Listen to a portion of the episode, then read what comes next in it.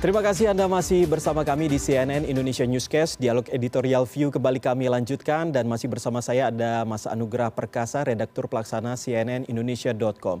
Di mana kali ini seperti yang tadi sudah saya bahas dan sampaikan, kita akan membahas apa saja catatan atas dibukanya kembali keran ekspor CPO dan juga minyak goreng oleh pemerintah yang mulai berlaku pada Senin 23 Mei esok. Dan uh, masih bersama saya Mas Nugi. Mas Nugi, ini berbicara soal uh, apa yang sudah disampaikan oleh Presiden Joko Widodo beberapa waktu yang lalu terkait dengan dibukanya kembali keran ekspor CPO. Ini salah satunya adalah terkait dengan stok dalam negeri sudah terpenuhi dan diharapkan tentunya ini akan membuat harganya ini semakin turun dan juga stabil. Lalu bagaimana media ini melihatnya? Ya, terima kasih. Jadi persoalan pertama adalah saya kira kebijakan presiden itu hampir sama dengan uh, kebijakan waktu pelarangan ekspor uh, batu bara ya. Mm -hmm. Jadi ini dia semacam uh, dia melakukan melakukan semacam shock terapi kepada sejumlah elemen ketika terjadi persoalan batu bara. Hal yang sama itu juga dilakukan terkait dengan CPO. Mm -hmm. Dan kita ketahui bersama kedua komoditas ini adalah dua komoditas eh, andalan buat buat Indonesia dan yang uh, besar sekali ya. Yeah. CPO sendiri ada 400 triliun yang menyumbang devisa tahun 2021. Jadi yang kan betapa besarnya bisnis ini. Mm-hmm. Nah jadi uh, saya kira hutan larangan akan dilakukan besok adalah um, yang kita harus harus harus pastikan adalah apakah ini benar uh, ketika presiden menyatakan dia sudah melakukan sidak ke beberapa pasar dan harganya sudah turun, misalnya air satu liter itu sekitar empat belas ribu. Tapi di sejumlah wilayah misalnya ketika uh, presiden sudah mengumumkan uh, apa namanya mengungkap pencabutan larangan itu sebelumnya sebenarnya belum ada apa namanya penurunan secara keseluruhan ya. Jadi ada beberapa uh, masyarakat atau beberapa warga yang ditemui di pasar uh, ketika dilakukan reportase masih harganya masih mahal dan terutama untuk curah itu masih langka. Mhm, dibandingkan mhm. dengan yang kemasan. Kalau kemasan biasanya kelompok kelas menengah itu ada di uh, retail retail ya supermarket sejauh lebih gampang. Tapi kalau konteksnya adalah uh, curah, yep. goreng curah itu biasanya akan jauh lebih sulit di pasar-pasar tradisional. Nah ini yang saya kira harus di, diperhatikan juga oleh uh, tapi Mas Nugi, ini berbagai kebijakan kan memang sudah dilakukan oleh pemerintah seperti halnya tutup buka keran ekspor dan lain sebagainya seperti yang tadi sudah disampaikan oleh Mas Nugi. Tapi harga minyak goreng kemasan dan curah ini kan ternyata di pasaran masih saja tetap tinggi dan juga belum kembali seperti sebelumnya. Ini bagaimana eh, Mas Nugi melihat hal ini? Apakah akar permasalahan yang sebenarnya ini benar-benar terkait dengan uh, distribusi lalu juga terkait dengan adanya mungkin saja ada mafia-mafia begitu? Kalau konteks uh, mafia saya kira yang penting adalah kejaksaan agung terus melakukan uh, melakukan penyidikan ya. Ada beberapa orang yang sudah kena ada pihak korporasi ada pihak korporasi. Yang kedua ada dari pemerintah yaitu kementerian perdagangan. Yang ketiga adalah dari pihak swasta. Yang dalam hal ini adalah diduga melakukan ada apa ya dia semacam menghubungkan antara pihak kementerian perdagangan dan dan uh, pihak korporasi. Nah mm -hmm Eh, pelajaran dari sebulan terakhir minyak goreng langka dan dilakukan kebijakan oleh pemerintah saya kira ada beberapa kebijakan pemerintah yang tidak mempan. Mhm, misalnya mhm. apa? Ketika pemerintah menetapkan uh, harga domestik uh, apa namanya kewajiban harga domestik justru harga goreng itu justru hilang di pasaran. Setelah beberapa hari uh, adanya itu ya harga harga eceran tinggi gitu. Yep dan dan pemerintah tidak bisa melakukan apa apa akhirnya kebijakan itu kembali. Dan setelah dicabut kembali justru kemudian ada lagi. Nah ini jadi pertanyaan besar masyarakat. Mhm. ketika pemerintah menetapkan satu kebijakan tapi mhm. ternyata imbasnya justru uh, kelangkaan minyak goreng dibalas oleh ini persoalannya apa yang bermain di sini? Mhm, kan? Jadi itu yang harus kita bongkar. Apakah uh, distribusi itu dikuasai oleh orang saja atau perlukah ada semacam badan baru kayak bulog misalnya untuk mengatur persoalan distribusi sehingga apa sehingga masyarakat uh, bisa mendapatkan akses yang pasti ketika dia mendapatkan minyak goreng okay. Indonesia jangan lupa kita produsen terbesar di dunia untuk minyak goreng. Ketika minyak goreng langka itu jadi pertanyaan besar. Hmm. Ber uh, Oke. Okay.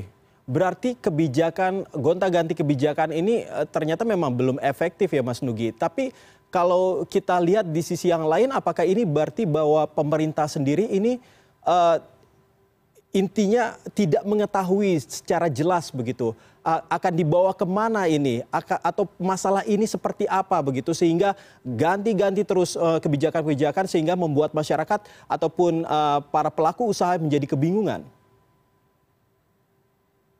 Sekarang eh, harga sendiri sebenarnya ditetapkan diserahkan pada mekanisme pasar ya artinya dengan pencabutan kembali harga eceran tertinggi kemarin artinya pasar kembali Eh, mekanisme pasar itu artinya sudah mereka apa harga minyak goreng itu sudah berlaku di dengan mekanisme mm -hmm. itu. Ah, nah, saya kira okay. pemerintah tahu persis masalahnya di mana, cuman yeah. masalahnya mereka mau buka atau enggak, ya kan? Nah, yang kita harapkan sekarang adalah kasus yang ditangani oleh Kejaksaan Agung itu tidak berhenti di pihak-pihak uh, tersangka sekarang, tapi sudah tapi juga bisa merambah ke pihak lain.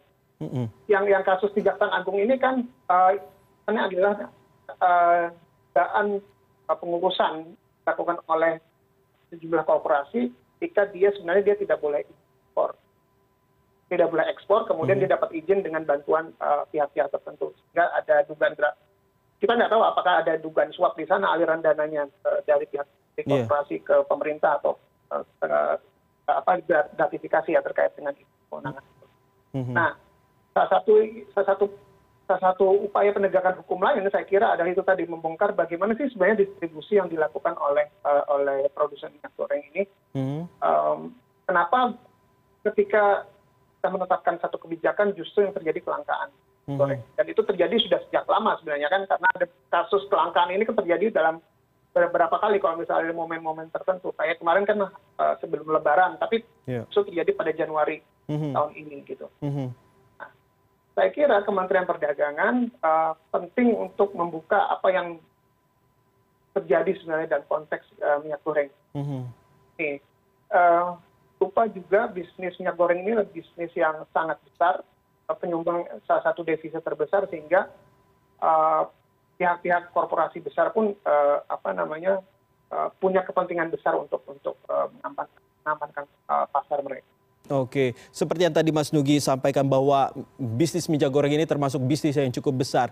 Eh, nah, berbicara soal kembali lagi soal pembukaan keran ekspor ini, sebenarnya siapa yang terutama yang diuntungkan? Apakah sebagai konsumen saya, Mas Nugi dan lain sebagainya eh, juga mendapatkan keuntungan dari hal ini? Uh,